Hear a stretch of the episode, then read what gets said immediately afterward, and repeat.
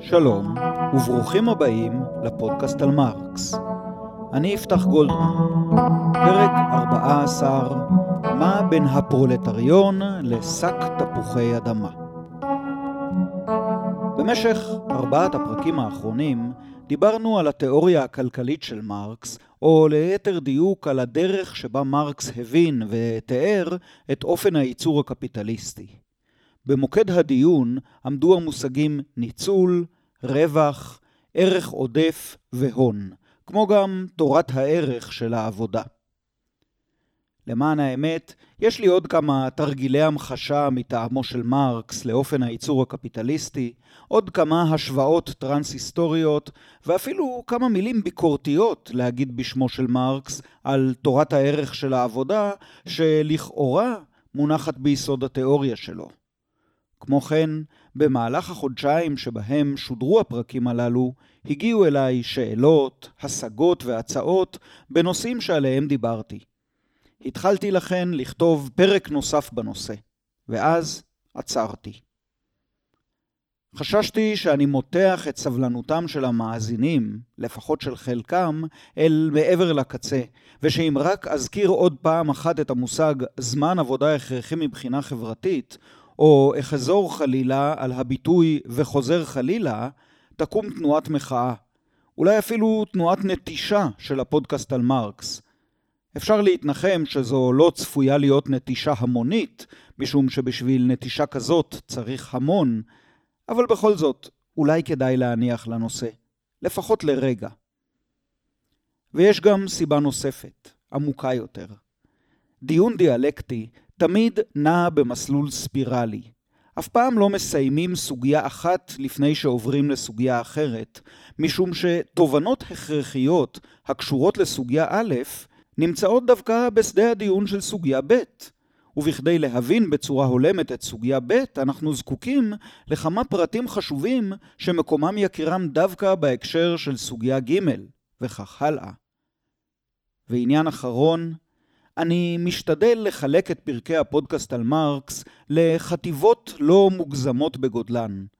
כך היו לנו שלושה פרקים על המטריאליזם ההיסטורי, שלושה פרקים על העבודה המנוכרת, וארבעה פרקים עד כה על התיאוריה הכלכלית ועל גריפת הערך העודף. וכשאני מביט קדימה, אני רואה שצפויה לנו בקרוב פרידה של כמה שבועות. העורך המסור שלי נוסע לחופשה.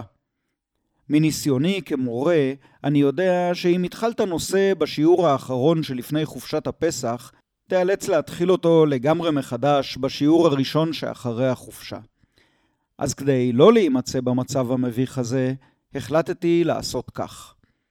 בהמשך הפרק של היום נדבר על הפרולטריון. אחר כך נצא לחופשה. אני מקווה שהיא תהיה קצרה למדי. אחרי החופשה נחזור שוב אל גריפת הערך העודף ותורת הערך של העבודה, ונקדיש להם עוד פרק אחד. אחד בלבד. ואז נהיה מוכנים סוף סוף לחולל מהפכה? עוד לא. עדיין יישאר לנו נושא מבואי אחד שנצטרך להקדיש לו משהו בין שניים לארבעה פרקים. נושא זה הוא תורת המדינה של מרקס, או במילים אחרות, תפיסת הפוליטיקה שלו. ואז נוכל לעשות מהפכה? אולי, לא יודע, לא מבטיח כלום, זה עוד המון זמן. אז לסיכום, מהלך הפרקים הקרובים הוא כזה. היום פרולטריון. אחר כך, הפסקה. אחר כך, פרק נוסף בתיאוריה כלכלית. אחר כך, חטיבת פרקים בתורת המדינה. יוצאים לדרך. אחרי שהסברנו בפרקים הקודמים את הניכור והניצול הכרוכים בעבודה השכירה במסגרת אופן הייצור הקפיטליסטי, כבר אי אפשר יותר לחכות עם השאלה מדוע הפועלים מסכימים לכך. הרי הם לא עבדים ולא צמיתים, הם אנשים חופשיים, וכבר במאה ה-19 זכו להכרה כבעלי זכויות אדם בסיסיות, שחירות הפרט היא החשובה שבהן.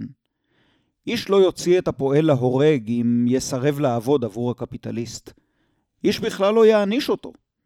אז מדוע הפועלים נכנסים מרצונם החופשי להסכם עבודה הכופה עליהם תנאים של ניכור וניצול? התשובה כרוכה בדבר אחד שיש להם לפועלים, ודבר אחד שאין להם. יש להם משפחות לפרנס. אין להם גישה לאמצעי ייצור. אני מזכיר שאמצעי ייצור הם דברים כמו חומרי גלם, דלק ומכונות. בלי אמצעי ייצור אי אפשר לייצר. ואם תחשבו על כך, נגישות לאמצעי ייצור היא הדבר המהותי היחיד שיש לקפיטליסט ולפועלים אין. זוכרים את המודל הקטן שעבדנו איתו בפרק שעבר? בלי מעט הדולרים שהיו לקפיטליסט בתחילת הדרך, אי אפשר היה להתחיל את מחזורי הייצור. אבל כזכור, לקפיטליסט שלנו היו 100 דולר, כלומר הייתה לו גישה אל אמצעי ייצור.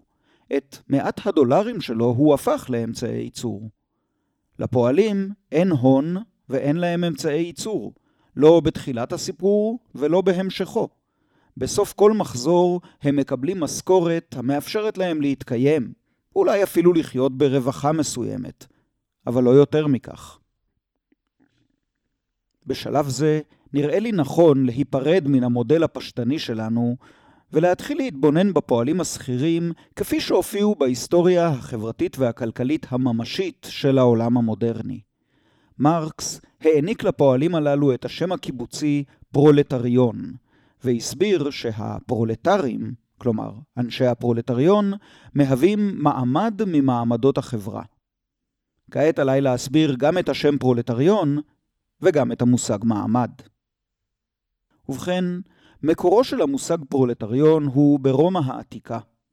מרקס, שלמד משפט רומי והיה אמון על כתבי הקלסיקונים, ידע שמשמעותו המילולית של המושג הלטיני proletarius פירושה מוליד צאצאים.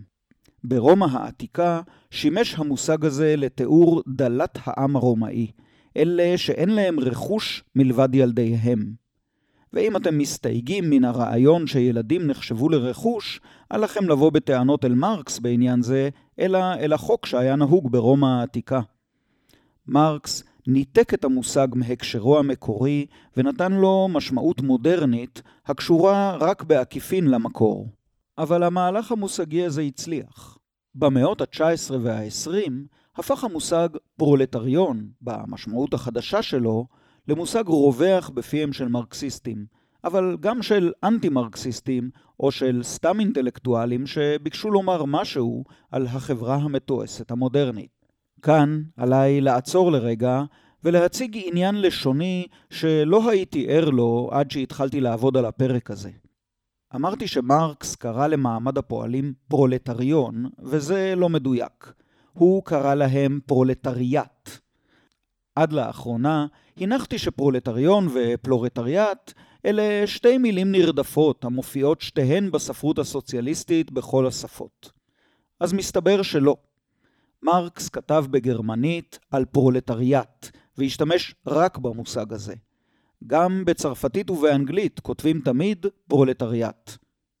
לרגע חשדתי שהסיומת יון הגיעה לעברית מן היוונית העתיקה בתיווכה של הרוסית. לא עבד. גם ברוסית אומרים פרולטריאט.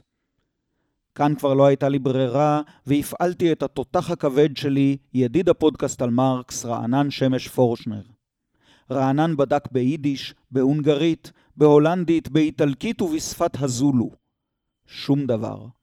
מסתבר שבכל לשונות העולם אומרים פרולטריאט, ורק בעברית אומרים פרולטריון.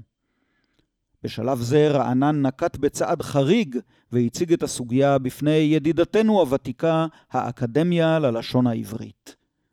וזו פחות או יותר התשובה שקיבלנו מן האקדמיה. הסיומת און, ו"ן, משמשת בעברית בכמה תפקידים, שאחד מהם הוא לציון קבוצה של פריטים דומים, כמו שאלון, המורכב מכמה שאלות, ואף קבוצה של אנשים, כמו אסירון או אלפיון. נראה שכאן נוספה הסיומת און לבסיס הלטיני כדי לציין את קבוצת האנשים המשתייכים למעמד הפועלים. עד כאן האקדמיה. רענן מוסיף שזה קרה ככל הנראה סמוך לראשית הדרך, כלומר בתחילת המאה ה-20. בהתחלה, סוציאליסטים דוברי עברית אמרו פרולטריאט, כמו כולם, אבל מהר מאוד הצורה פרולטריון השתלטה. לכן נשתמש בה גם אנחנו. רק זכרו שפרולטריון, כמו סנפלינג להבדיל, היא מילה לועזית הקיימת רק בעברית.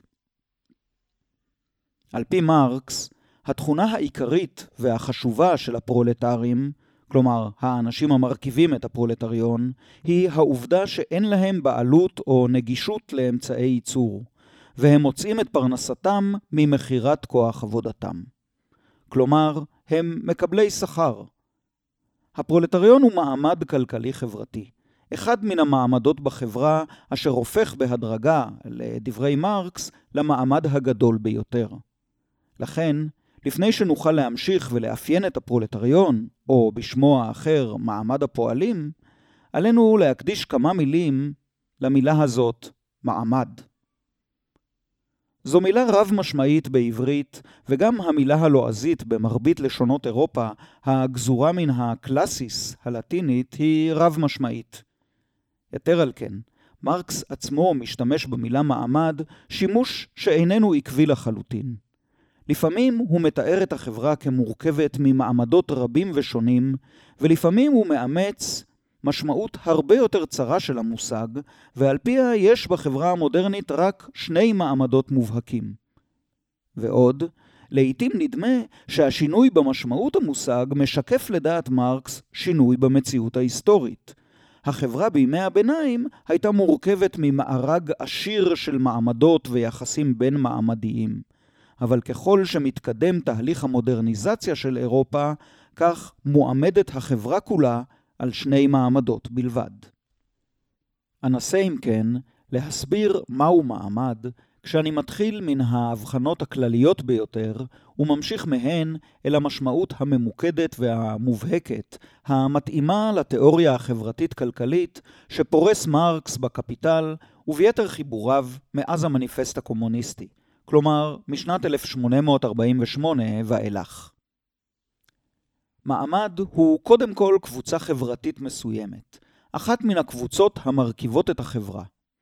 במשמעות כללית זאת, אפשר לדבר על מעמדות רבים ושונים המקיימים ביניהם יחסי גומלין מורכבים במסגרת חברתית או מדינית משותפת. ההבחנה החשובה הבאה היא שהמעמדות השונים מסודרים בסדר היררכי, יש מעמדות גבוהים יותר ונמוכים יותר, וכך היה בעצם מאז ראשית הציוויליזציה. המעמדות הגבוהים תופסים עמדה חברתית פריבילגית. בסדר החברתי הקיים הם נהנים מרווחה ועושר, מסטטוס חברתי גבוה, מעוצמה פוליטית וכלכלית. המעמדות הנמוכים בחברה מתקיימים בתנאים גרועים בהרבה. בדרך כלל הם נתונים למחסור כלכלי, לפחות מבחינה יחסית, ומודרים מעוצמה פוליטית. בין המעמדות מתקיים שיתוף פעולה, שבלעדיו אין החברה יכולה לתפקד. אבל אין זה שיתוף פעולה הרמוני או שלב. באופן היסטורי, שיתוף הפעולה בין המעמדות היה מבוסס מאז ומעולם על יחסי ניצול ועל אנטגוניזם, כלומר מאבק או לפחות עוינות.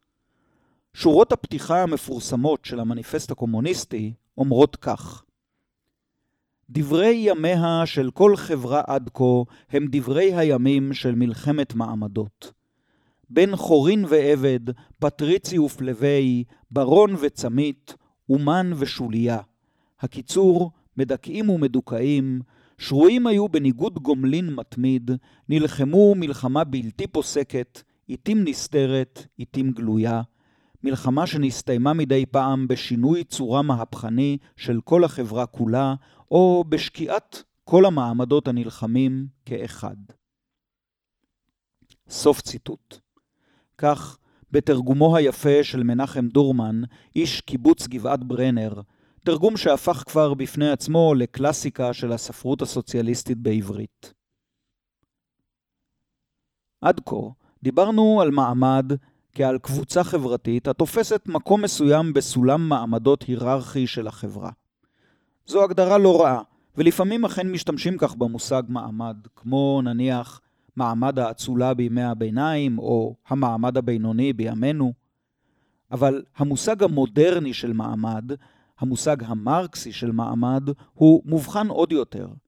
מעמד הוא קבוצה חברתית המוגדרת על פי הפונקציה הכלכלית שלה, או התפקיד המיוחד שלה באופן הייצור החברתי הכללי. לכן, העיקרים הם מעמד, והסוחרים הם מעמד, משום שהם מוגדרים על פי התפקיד הייחודי שלהם בייצור התוצרת החקלאית, העיקרים, או בהפצת הסחורות וניהול החליפין בסחורות הללו, הסוחרים.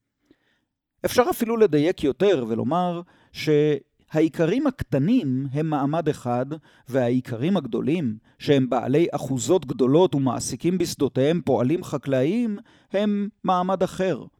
באופן דומה, יש היגיון להבחין בין הסוחרים הקטנים, המנהלים את תנועת הסחורות בתוך אזור מוגדר ומוגבל, לבין סוחרים גדולים העוסקים בסחר בינלאומי. כל אלה הגדרות כלכליות במובן שהצגנו קודם. הן מתארות תפקיד כלכלי-חברתי מסוים. שחורי העור אינם מעמד, משום שצבע העור לא מלמד כשלעצמו על תפקיד כלכלי. אבל העבדים שחורי העור בדרום ארצות הברית בהחלט היו מעמד. גם ביטויים כמו עניים ועשירים לא מצביעים על מעמדות במובן מדויק, משום שהם מתארים קבוצות של בני אדם בחברה על פי ההנאה שלהן מן העושר החברתי הכולל, ולא על פי תפקידן בייצורו של העושר הזה. לפיכך, גם המעמד הבינוני איננו בדיוק מעמד. בדיונים בכלכלה נפוצה מאוד המטאפורה של העוגה וחלוקת העוגה. העשירים בחברה נהנים מפרוסות אבות של העוגה. אנשי המעמד הבינוני מקבלים פרוסות דקות בהרבה, והעניים נאלצים להסתפק בפירורים. אבל המושג מעמד, במשמעותו המרקסית המדויקת, לא מפנה את תשומת ליבנו אל חלוקתה של העוגה לפרוסות, אלא אל ייצורה של העוגה הזאת. לכן, הבעלים של המאפייה שבה נאפתה העוגה הוא בורגני קטן, בעל הון זעיר, וזו הגדרה מעמדית. והבעלים של רשת מאפיות בפריסה ארצית הוא כבר בעל הון גדול, וגם זו הגדרה מעמדית. והפועל השכיר במאפייה זו הגדרה מעמדית. ואולי גם חבר במאפייה קואופרטיבית, שחבריה הם גם העובדים וגם בעלי ההון, אולי גם זאת הגדרה מעמדית. מבולבלים? תכף זה יעשה ברור יותר. כפי שאמרתי קודם, החל משלב די מוקדם, מרקס מפשט את הדיון במעמדות ומעמיד את מספרם על שניים בלבד. ולכן אולי אנחנו לא זקוקים לדיונים מפורטים כל כך במושג מעמד כדי להבין את מרקס. מצד שני, אולי אנחנו זקוקים לדיון כזה על מנת לבקר את מרקס. אולי ההבחנה של מרקס פשוטה מדי, אולי אפילו פשטנית.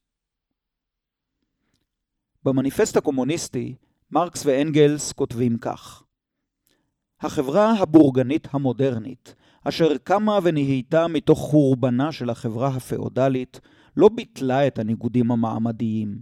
היא אך העלתה מעמדות חדשים, תנאי דיכוי חדשים, צורות מלחמה חדשות במקום הישנים.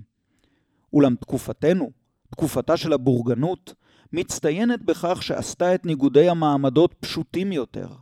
החברה כולה מתפלגת והולכת לשני מחנות אויבים גדולים, לשני מעמדות גדולים הניצבים במישרין זה כנגד זה, בורגנות ופרולטריון. סוף ציטוט. נצרף אל הדברים הללו גם הערת הסבר שהוסיף אנגלס למניפסט הקומוניסטי בשנת 1888, כלומר 40 שנה אחרי צאת הפרסום המקורי וכחמש שנים לאחר מותו של מרקס. כך כותב אנגלס: השם בורגנות מורה על מעמד הקפיטליסטים המודרניים, שהם בעלי אמצעי הייצור החברתיים ומנצלים עבודת שכירים. השם פרולטריון על מעמד הפועלים השכירים המודרניים, אשר מהיותם חסרים אמצעי ייצור משלהם, נאלצים למכור את כוח עבודתם כדי שיוכלו לקיים את נפשם. סוף ציטוט. זו הגדרה מעולה ומדויקת של אנגלס, והיא מסכמת עבורנו את כל מה שמהותי בדיון המרקסי במעמדות, ומשאירה בחוץ את כל מה שאינו מהותי. מעמד הבורגנים, או הקפיטליסטים, מתאפיין בכך שחבריו הם הבעלים של אמצעי הייצור, והם מנצלים עבודת שכירים לשם הפעלת אמצעי הייצור הללו. הפרולטריון, או מעמד העובדים השכירים, מתאפיין בכך שלחבריו אין בעלות או נגישות לאמצעי ייצור משלהם, ועל כן, על מנת להתקיים, עליהם למכור את כוח עבודתם לקפיטליסט. אולי אין זה תיאור מדויק של החברה, ומרקס עצמו מוסר במקומות מסוימים, כולל בכתביו המאוחרים, תיאורים מורכבים יותר. הרי מעמד בעלי ההון אינו עשוי מקשה אחת. יש הבדל עקרוני, למשל, בין התעשיין השולט על אמצעי הייצור, לבין הבנקאי המלווה לתעשיין כסף בריבית, כדי שיוכל התעשיין לרכוש אמצעי ייצור. אבל כיוון שהתעשיין מחזיר לבנקאי את ההלוואה והריבית מן הרווחים שהפיק מעבודת פועליו, הרי שהבנקאי והתעשיין שותפים בעצם בניצולם של הפועלים, אחד בחזית ואחד בעורף. כלומר, הם שותפים בגריפת הערך מעבודתו של הפרולטריון. ויש עורכי דין המגנים על האינטרסים של הקפיטליסט בבית המשפט או בשעת כריתת חוזה. ויש אדריכלים הבונים לקפיטליסט את ארמונותיו.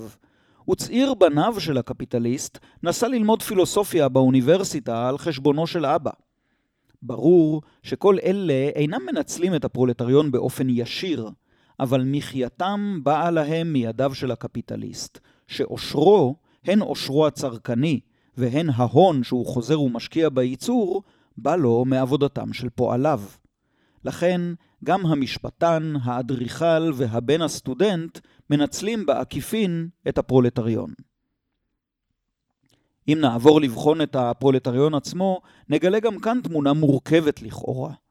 בתוך ציבור העובדים השכירים, יש כאלה שתנאי עבודתם ושכרם טובים למדי, והם נוטים להזדהות עם האינטרס העסקי של הקפיטליסט. מנהל העבודה למשל, או מנהל החשבונות של העסק, אינם דומים לפרולטרים העובדים על רצפת הייצור של המפעל. אבל נדמה לי שכבר אמרתי יותר מפעם אחת שמרקס הוא איש הסוציולוגיה הגדולה, התהליכים הגדולים והמספרים הגדולים. בהחלט אפשר לראות זאת כנקודת תורפה בתיאוריה שלו. ובכל זאת, צריך לומר להגנתו שבשעה שמרקס כתב את חיבוריו, הפיצולים הפנימיים הללו בתוך הפרולטריון היו די בראשית דרכם, והקפיטליסט עצמו, בדרך כלל, היה המנהל בפועל של פועליו. מצב זה השתנה מאוד לקראת סוף המאה ה-19 ובמרוצת המאה ה-20. לכן נניח עכשיו למקרים המיוחדים ונדבר על הפרולטרים מן השורה, פועלי המכרות ועובדי התעשייה, שמרקס כתב עליהם כבר בשנת 1844, אבל פגש אותם ממש רק כשהיגר לאנגליה חמש שנים אחר כך. הפרולטרים הם תושבי ערים, וזה כשלעצמו ראוי לציון, אם נזכור שאירופה, לאורך כל ימי הביניים, הייתה חברה חקלאית, שבה כמעט כל האוכלוסייה ישבה בכפר. באנגליה, שהייתה המקום הראשון שבו התעצב הסדר החברתי הקפיטליסטי, התחילה הנהירה מן הכפר אל העיר כבר במאה ה-16. במאות השנים הבאות התפשטה ההגירה לערים אל כל מערב אירופה, ובהדרגה גם אל מרכז היבשת ומזרחה. במאה ה-20 הקיף תהליך זה את העולם כולו. אבל אנחנו נישאר, לצורך הדיון שלנו בתורתו של מרקס, במערב אירופה של המאה ה-19. הגירת האיכרים אל העיר שינתה לחלוטין את נופה של אירופה. עד כדי כך שהיסטוריונים מסוימים מדברים עליה כעל נדידת עמים. לא נדידה מארץ לארץ, אלא נדידה בתוך כל ארץ. הכפרים כמעט התרוקנו מיושביהם, והערים הפכו לפצצות האוכלוסין המוכרות לנו היום. מאות אלפים ולפעמים מיליונים רבים של בני אדם החיים ביחד, בצפיפות, מנותקים ממרחבי הטבע, מן האדמה וממקורות המים. שיכוני עוני, שכונות ולפעמים רובעים שלמים הוקמו כדי לשכן את הנוודים האלה. בדרך כלל לא מתוך תכנון מרכזי, אלא כמענה ספונטני לאילוצי הקיום. ההמונים הללו נזקקו לקורת גג כלשהי, והיה מי שהיה מוכן לתת להם חדר בתמורה לפרוטותיהם האחרונות. והם נזקקו לפרנסה. המהגרים מן הכפר וצאצאיהם כבר לא יכלו לגדל לעצמם מזון, משום שבשביל זה צריך חלקת אדמה ומים. הם לא יכלו להפוך לבעלי מלאכה ולמכור מוצרים בשוק. חסרו להם כלים, מכשירים, מכונות וידע. רבים פנו בלית ברירה אל השוד, ואנגליה התמלאה בגנבים. אחרים, ובעיקר אחרות, העמידו למכירה את הדבר האחד שהיה שייך להן מעצם היותן בנות אנוש בחברה מודרנית נאורה. הן מכרו את גופן, ואנגליה התמלאה בזונות. אבל בהדרגה, בתהליך שעבר כמה שלבי ביניים והגיע לשיאו רק במאה ה-20, הלך והתהווה אופן ייצור חדש במערב אירופה ואחר כך בעולם כולו. אופן הייצור הקפיטליסטי. תושבי הערים הוותיקים, שכבר בימי הביניים נקראו בורגנים, כלומר מילולית יושבי ערים, היו עכשיו הבעלים של אמצעי הייצור. עם התרחבות התעשייה, ובעיקר עם הופעת מנוע הקיטור והסרט הנע, בתי המלאכה שלהם הפכו למפעלים, וגם למכרות שהזינו את התעשייה בפחם ובברזל. המלווים בריבית של ימי הביניים הפכו לבנקאים מודרניים הנותנים אשראי לתעשייה. הסוחרים הפכו לחברות סחר המפיצות את הסחורות שיוצרו במפעלים אל כל קצווי תבל. והצאצאים חסרי הקול של המהגרים חסרי הקול הפכו לפועלים שכירים במפעלי התעשייה ובמכרות. תהליך זה, שתיארתי אותו בפסקה אחת, אמנם ארוכה במקצת, מתואר ביד אומן בפרק ה-24 של הקפיטל. בתרגום לעברית אלה עמודים 589 עד 630. את הפרק ה-24 של הקפיטל, שכותרתו היא ההצבר המתקרא ראשוני, הזכרתי כבר בפרק הקודם של הפודקאסט על מרקס, ואמרתי שזוהי יצירת מופת בתוך יצירת מופת. אני חוזר ומבטיח לייחד פרק פודקאסט שלם לקריאה בו, אבל עוד לא הגיעה העת לכך. לעומת זאת, נדמה לי שעכשיו אנחנו בהחלט יכולים לחזור שוב אל ההערה התמציתית של פרידריך אנגלס ממהדורת 1888 של המניפסט הקומוניסטי ולהבינה היטב. נקרא אותה שוב. השם בורגנות מורה על מעמד הקפיטליסטים המודרניים, שהם בעלי אמצעי הייצור החברתיים ומנצלים עבודת שכירים. השם פרולטריון, על מעמד הפועלים השכירים המודרניים, אשר מהיותם חסרים אמצעי ייצור משלהם, נאלצים למכור את כוח עבודתם, כדי שיוכלו לקיים את נפשם. סוף ציטוט. אם אתם במצב שבו אתם יכולים לעצור לרגע את השידור, כדאי שתעשו זאת, ותוודאו שאתם מבינים כל מילה וכל משפט בהגדרה הזאת. אפשר להמשיך? מרקס קבע שהפרולטרים הם מעמד מהפכני בפוטנציה, כלומר שהם נושאים פוטנציאל מהפכני, אפשרות מהפכנית. אם יתגשם הפוטנציאל הזה, הוא עתיד לבטל את אופן הייצור הקפיטליסטי. מדוע הפרולטריון הוא מעמד מהפכני בפוטנציה? נסביר את זה בהרחבה כאשר נעסוק בתורת המהפכה של מרקס. בינתיים נציין בקיצור את העובדות הבאות. ראשית, הפרולטרים הופכים בהדרגה, אך במהירות, למעמד הגדול ביותר בחברה. עד כדי כך שבקרוב יהפכו לרוב מוחלט. אני מזכיר שמרקס כתב את הדברים האלה באמצע המאה ה-19. שנית, הפרולטרים נושאים את אופן הייצור הקפיטליסטי על גבם. בלי פרולטריון לא ייתכן קפיטליזם, וביום שהפרולטריון ישבות ממלאכתו, הקפיטליזם ייפסק, פשוטו כמשמעו. שלישית, הפרולטרים הם המפסידים השיטתיים של אופן הייצור הקפיטליסטי. הם חייבים להפסיד בקפיטליזם, משום שהקפיטליזם מושתת על הניצול והניכור שלהם. בלי ניצול וניכור אין גריפת ערך עודף, ובלי גריפת ערך עודף אין הון ואין קפיטליזם. אז אם הפרולטרים הם רוב בני החברה, או יהיו כך בקרוב, אם הם נושאים את הקפיטליזם על גבם ומאפשרים את קיומו, ואם הם המפסידים השיטתיים של הקפיטליזם, ברור לכאורה מדוע הם מעמד מהפכני. אבל משהו עדיין חסר. וכדי להסביר מה חסר, אני מבקש לקרוא באוזניכם פסקה של מרקס שכלל לא עוסקת בפרולטריון, אלא דווקא במעמד האיכרים הזעירים בצרפת של אמצע המאה ה-19. מרקס אומר על האיכרים הללו את הדברים הבאים: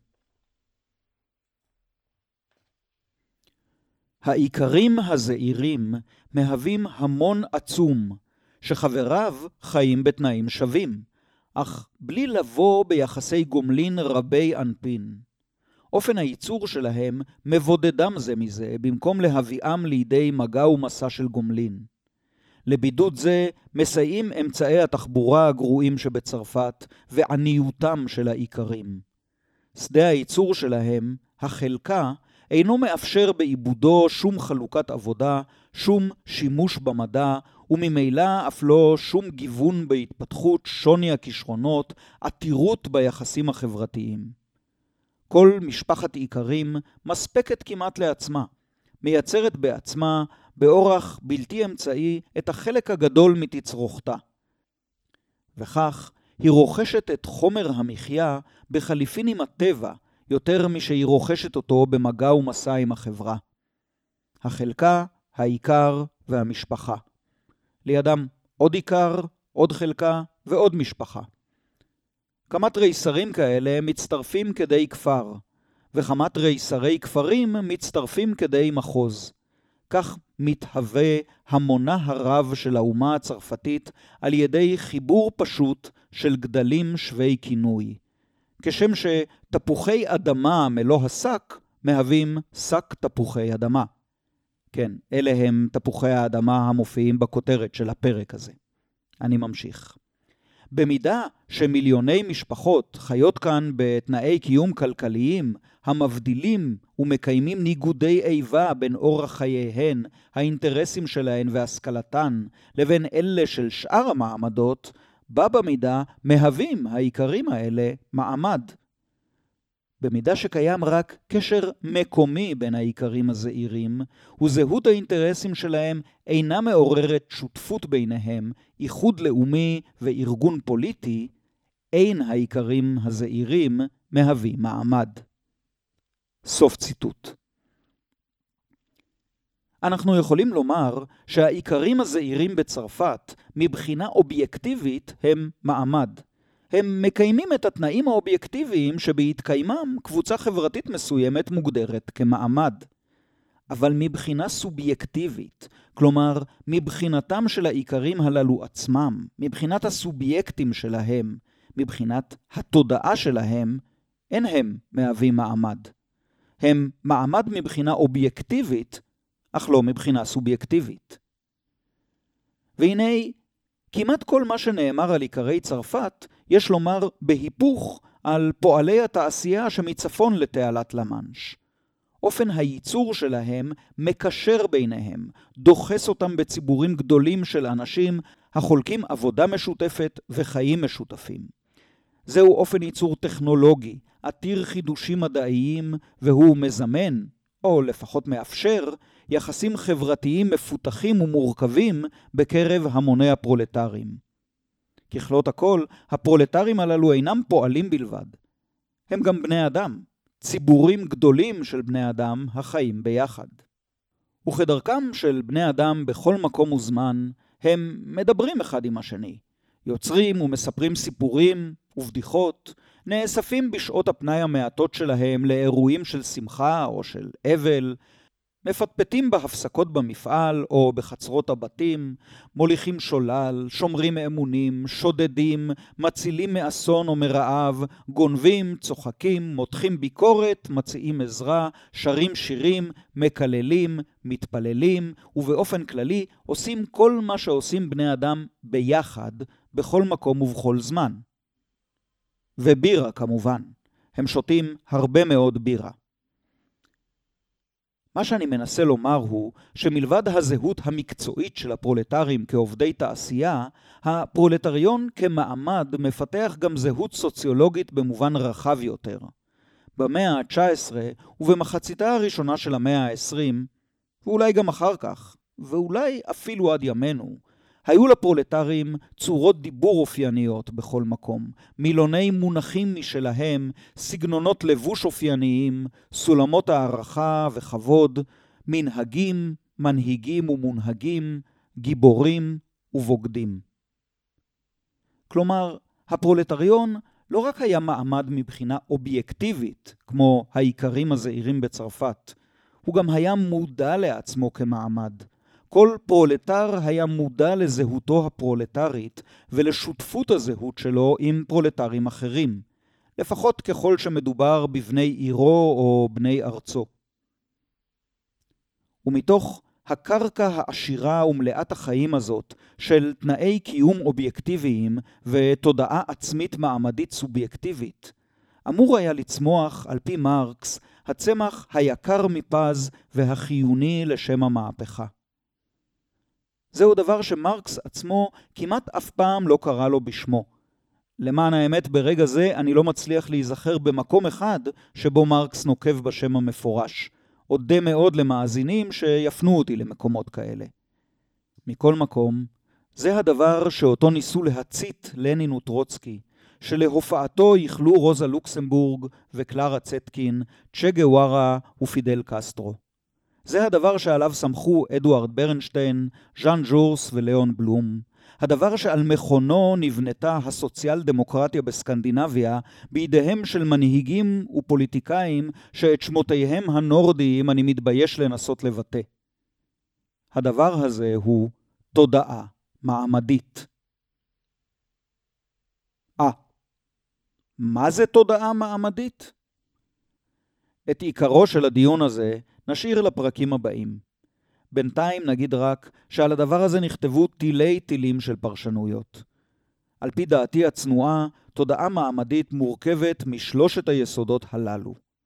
רגש סולידריות עם כל הפרולטרים באשר הם, הבנה שכלית של המציאות הכלכלית-חברתית, ובפרט של אופן הייצור הקפיטליסטי ושל הניצול העומד ביסודו, ורצון אקטיבי בשינוי המציאות הזאת, רצון המתבטא במעשים. עד כאן הפודקאסט על מרקס להיום.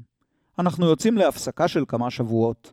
אתם מוזמנים להצטרף אל דף הפייסבוק של הפודקאסט על מרקס כדי לקבל עדכונים כשנחזור לאוויר. וכמובן, באתר הפודקאסט תמצאו כישורים לפחות לחלק מן הטקסטים שהוזכרו כאן היום. תודה ליאיר סיטבון, ושתהיה לך חופשה מוצלחת. תודה לכם שהאזנתם.